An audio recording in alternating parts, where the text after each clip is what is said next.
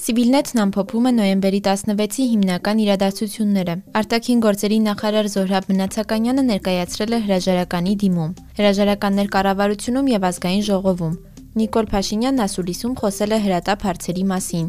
Շուշիի հանձնումը Նիկոլ Փաշինյանի եւ արտաքին գործերի նախարարության հայտարարություններում։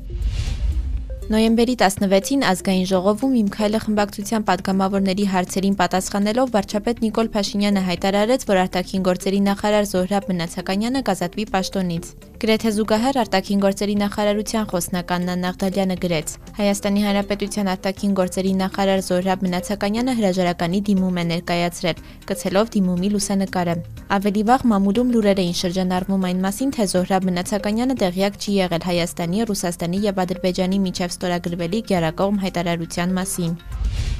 Երեք գիշեր վարչապետ Նիկոլ Փաշինյանը Facebook-ում գրել է. «Տղերք, դուք ճիշտ եք, սպասում եմ ձեզ Երևանում։ Վերջնական լուծելու պատերի տակ վնգստացողների հարցերը»։ Գրառումը բողոքի ալիք բարձրացրեց հանրության շրջանում։ Նշվում էր, որ Փաշինյանը սրանով քաղաքացիական պատերազմ է հրահրում։ Ազգային ժողովի падգամավորներ Թագուհիտ Հովմասյանը, Լուսինե Բադալյանը եւ Գայանե Աբ รา համյանը հայտնեցին падգամավորական մանդատները վայր դնելու մասին։ Պաշտոնից հրաժարվելու մասին հայտնեցին նաև շրջակա միջավայրի փոխնախարար Իրինա Ղափլանյանը եւ փոխվարչապետ Տիգրան Ավինյանի գրասենյակի ղեկավար Վարակ Սիսարյանը։ Փաշինյանի գրառումը քննադատել է նաև մարդու իրավունքների պաշտպան Արման Թաթոյանը, նշելով, որ դրանով ըստ էության կոչ է արվում դուրս գալ քաղաքացիական բախումների։ Ավելի ուշ Փաշինյանը գրեց. «Կոչ եմ անում, խնդրում եմ, պահանջում եմ մեր արած որևէ հայտարարություն, որևէ ժեստ, որևէ հրավեր այս համատեքստում չդիտարկել։ Եթե մեր որևէ ասացից նման տպավորություն կստանաք, դա սխալ տպավորություն է»։ Երևանի ավականու անդամ Արսեն Կարապետյանը եւս որոշել է դուրս գալ Իմ քայլը խմբակցությունից։ Որոշել եմ ավականուց դուրս գալ, այլևս չունեմ ուժ, երանգ ու հավես Երևանի շենքերով զբաղվելու։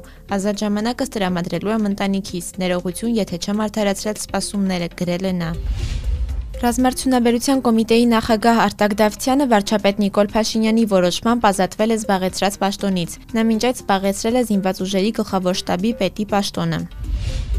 Վարչապետ Նիկոլ Փաշինյանը նոյեմբերի 16-ի Արցանց ասուլիսում պատասխանել է մի շարք հարցերի։ Արցախյան հարցում քաղաքականության ձախողման մասին նա ասել է. «Որևէ կասկած չկա, որ ես եմ պաշտոնյան, որը պատասխանատու է տեղի ունեցածի համար, գրում է պատասխանատվությունը, ու ես հասկանում եմ նաև, որ այս փաստի բերումով պետք է կանգնեմ մեր ժողովրդի դատի առաջ, բայց որպեսզի տվյալ դեպքում դատավորը ժողովուրդը կարողանա եզրահանգումների գալ, ինքը պիտի տիրապետի գործի բոլոր հանգամանքներին, պիտի խոսակցություն լինի զինվորներին ընդդիմությանը կառավարությանը լսելով։ Փաշինյանն անդրադարձել է նաև արտահերտ ընտրություններին, ասելով, որ կայունությունը պիտի երաշխավորվի, խորհրդարանը, նախագահը պիտի գործեն ու բոլորի գործունեությունը պիտի ուղղված լինի անվտանգությանն ու կայունությանը։ Իր հրաժարականի մասին խոսելով նա նշել է, որ իր օրակարգում մտնում է կայունություն, անվտանգություն ապահովելը, այլ հարց օրակարգում չկա։ Ես կարծում եմ, որ Հայաստանի Հանրապետությունը պիտի մասնակցի Ադրբեջանի հետ բանակցություններին, բայց հիմա օրակարգի ձևավորման գործընթաց է, ու եթե պարզվի, որ իմ վստահությունը բավարար չէ, մենք չենք կարող մասնակցել դրան, ասել է նա։